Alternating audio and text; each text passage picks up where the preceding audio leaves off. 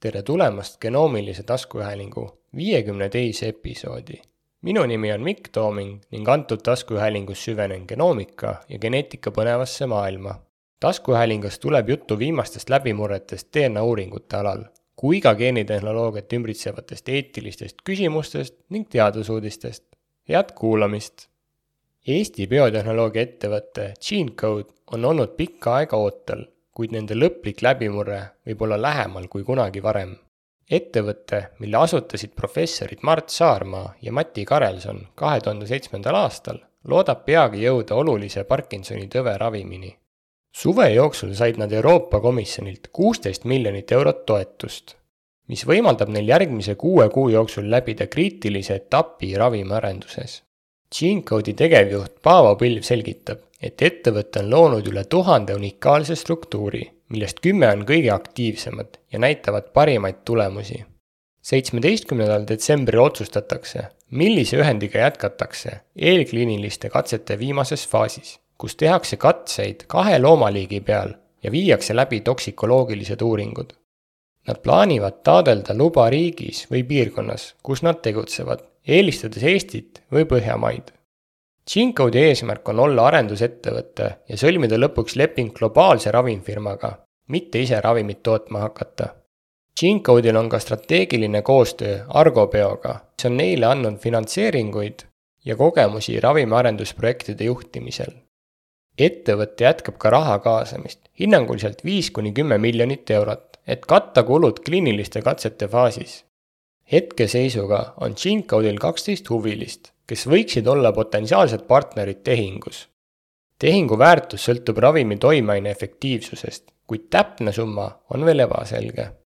G-Code loodab jõuda lepinguni järgmise poolaasta jooksul, kuid protsessi täpne kestus sõltub mitmest tegurist, sealhulgas kliiniliste katsete kulgemisest. ettevõte on õppinud, et biotehnoloogia valdkonnas peab olema piisavalt avatud ja kaasama professionaalseid partnereid alates ettevõtte algusaastatest antud artikkel avaldati Delfi Ärilehes.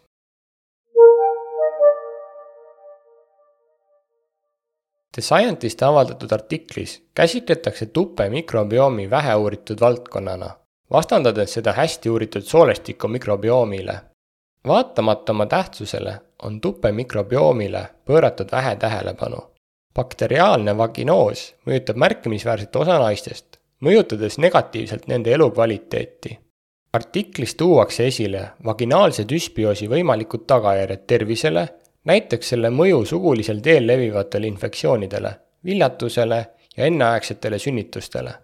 praegused bakteriaalse vaginoosi ravimeetodid, peamiselt antibiootikumid, on jäänud aastakümneid suures osas muutmatuks ja retsidiivide määr on kõrge. artiklis rõhutatakse vajadust rohkemate uuringute ja sihipärase ravi järele teadlased uurivad erinevate mikroobide rolli tupe mikrobiomis, eesmärgiga mõista nende panust tervisesse ja haigustesse. võtmeliigid nagu Lactobacillus crispatus on seotud optimaalse tervisega, samas kui düsbioos hõlmab erinevate bakterite keerulist koostoimet. tupe mikrobiomi uurimine on teadlastele keeruline, sest puuduvad sobivad loomamudelid ja tupekeskkond on keeruline mõned teadlased kasutavad kolmemõõtmelisi koemudeleid, et uurida, kuidas bakterid mõjutavad naise reproduktiivset süsteemi, eriti seoses vähi arenguga. uuringud viitavad seosele tuppe mikrobiomi koostise ja emakakaela vähi vahel. artiklis käsitletakse käimasolevaid katseid, milles testitakse selliseid ravimeetodeid nagu laktiin V, L-krispatuse spetsiifiline tüvi ja vaginaalse mikrobiota siirdamist terve vaginaalse mikrobiomi taastamiseks. vaginaalse mikrobiota siirdamise võimalik kasutamine tõstatab eetilisi kaalutlusi, arvestades ajaloolisi katseid, mis tekitasid naistele bakteriaalset vaginoosi. märgitakse probleeme, mis on seotud skaleeritavuse ja ulatusliku doonori testimisega.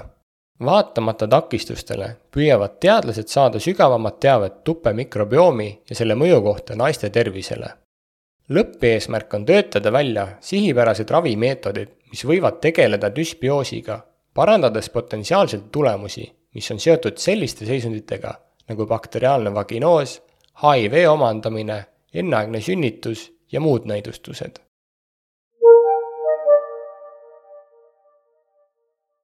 NIP-testi saab teha raseduse esimesel trimestril ja see on vähem invasiivne kui traditsiooniline kombineeritud esimese trimestri sõeluuring.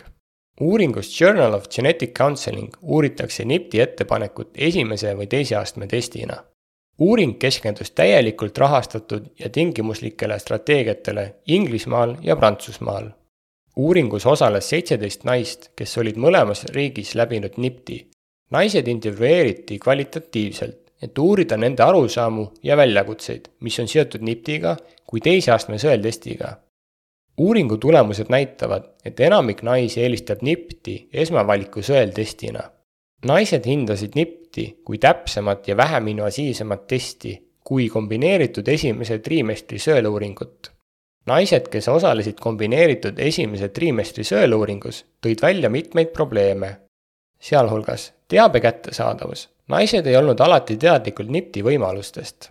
raseduse katkemise risk. Naised olid mures kombineeritud esimese trimestri sõeluuringuga seotud raseduse katkemise riski pärast. NIPT-i testide erinevused. naised olid segaduses erinevate NIPT-testide vahel. ärevuse risk. naised olid mures valepositiivsete või valenegatiivsete tulemuste tekitatud ärevuse pärast. uuringu järeldused viitavad sellele, et NIPT-i esmavaliku säte võib olla asjakohane kõige levinumate trisoomiate, trisoomiate kakskümmend üks, kolmteist ja kaheksateist tuvastamiseks. haruldasemate aneuploidiate puhul võib NIPT-i esmavaliku säte suurendada ärevust ebaselgete või ebatäpsete tulemuste arvu. uuringu autorid soovitavad, et universaalne strateegia oleks sobivaim üldiste trisoomiate puhul samuti rõhutavad nad tasakaalustatud, selge ja läbipaistva teavitamise tähtsust, et vältida rutiinistumist, suurenenud ärevust ja arusaamatusi sõeltestide võimaluste kohta.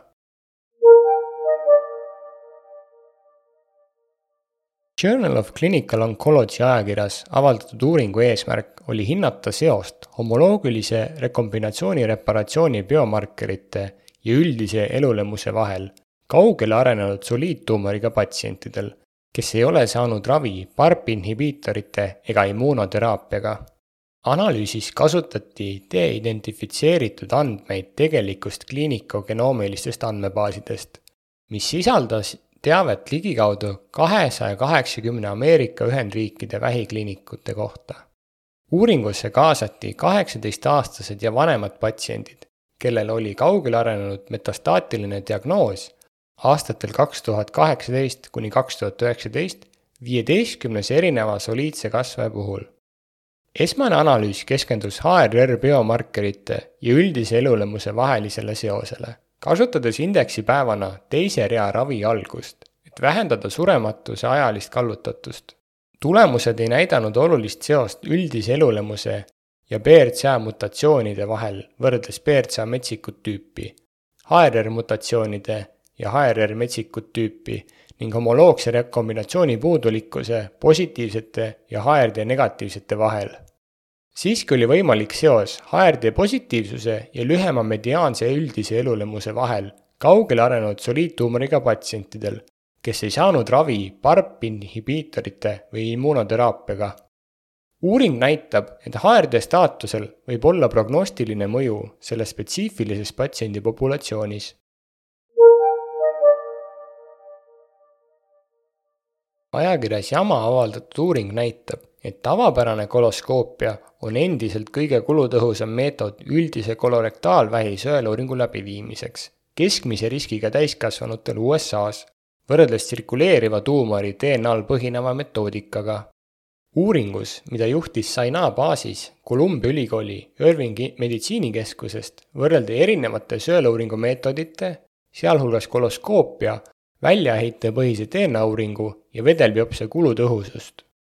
uuringud näitasid, et koloskoopia oli kõige kulutasuvam, kusjuures täiendav kulutasuvuse suhe oli veidi üle kahekümne kaheksa tuhande dollari ühe võidetud eluaasta kohta. seevastu ei peetud vedelbiopsiat praeguste kulude ja sõeluuringu tulemuslikkuse juures kulutõhusaks.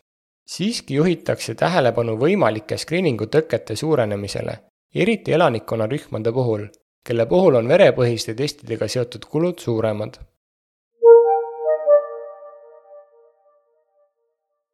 Broad Institute on oma kliiniliste uuringute sekveneerimisplatvormi ümber nimetanud Broad Clinical Labsiks, et suurendada oma kliiniliste laboriteenuste nähtavust. selle sammu eesmärk on muuta Broad Clinical Labs potentsiaalsetele klientidele kättesaadavamaks uue kaubamärgi kasutuselevõtt peegeldab Broadi pühendumust pakkuda kliinilisi analüüse konkurentsivõimelise hinnaga, kasutades ära Covidi järgset mastaabisäästu. Broad Clinical Labs, mis on Broadi instituudi CLIA litsentsiga ja KAP akrediteeritud tütarettevõte, on jätkuvalt peamine ühenduslüli väliste unikaalsete andmete loomise ja analüüsi vajaduste rahuldamiseks labor pakub mitmesuguseid multioomilisi teenuseid teadusuuringuteks, sealhulgas üksikute rakkude analüüsi ja plasmaproteoomilise profiili koostamist. kliiniliste testide jaoks pakub Broad Clinical Labs koostöös Fabric Genomicsiga Illumina lühikese lugemisega kogu genoomi sekveneerimise teenust, mille hind on tuhat dollarit. labor on tugevdanud oma võimekust variantide analüüsi ja aruandluse osas kasutades selleks oma geneetikute, geneetiliste nõustajate ja variantide analüütikute meeskonda. hoolimata sellest, et Broad Clinical Labs on hakanud rohkem avalikkuse ette astuma, ei kavatse ta olla standardse diagnostilise testi pakkuja, vaid on suunatud institutsionaalseks või tööstuslikele partneritele, suuremahuliste genoomiliste testide tegemiseks kliinilistes või translatiivsetes uuringutes labor ei tegele praegu kolmanda osapoolega arveldamisega ega võta vastu ravikindlustuse arveid. põhirõhk on kvaliteetse testiteenuse osutamisel mastaabis ja kulutõhusalt, säilitades samal ajal usalduse andmete käitlemise suhtes.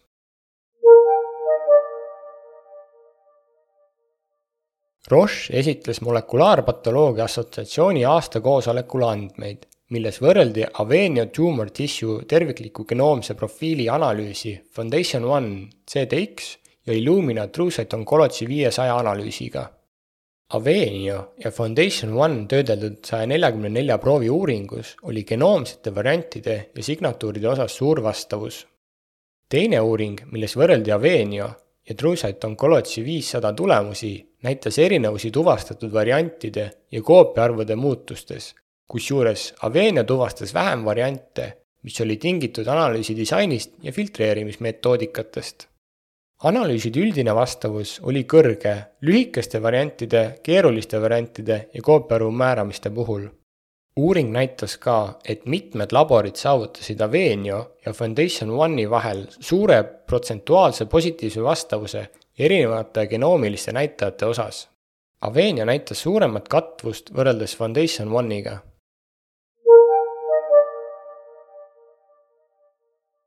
Singular Genomics Systems on koondanud umbes kümme protsenti oma töötajatest, mis puudutab umbes kolmekümmet töötajat, keskendudes teadus- ja arendusülesannetele. San Diego's asuv ettevõte on teinud organisatsioonilisi ümberkorraldusi, kohandanud oma tooteportfelli ja muutunud oma kaubandusstrateegiaid. Singulari eesmärk on ühtlustada ja laiendada oma F3 voolukambrite tarbimisprotsessi ning parandada oma G4 sekveneerija kasutatavust ja usaldusväärsust vaatamata müügitsükli probleemidele kavatseb ettevõte seada prioriteediks G4 skaleerimise, kasutades ära hiljutilisi tootepakkumisi, muuta oma kaubandusstrateegia paindlikumaks ja võtta kahe tuhande kahekümne neljandal aastal kasutusele uued kõrge väärtusega komplektid. Singular teatas kolmandas kvartalis sisuliselt muutumatut tulu, nelisada kuuskümmend kaks tuhat dollarit, mis jäid konsensuse hinnangutes kõrvale ettevõte tarnis kvartalis viis G4 sekvenaatorit, mis tõi paigaldatud baasi kokku kuueteistkümnele ning ootab neljandas kvartalis veidi suuremat arvu. Singulari kolmanda kvartali puhaskahjum oli kakskümmend kaks koma neli miljonit dollarit.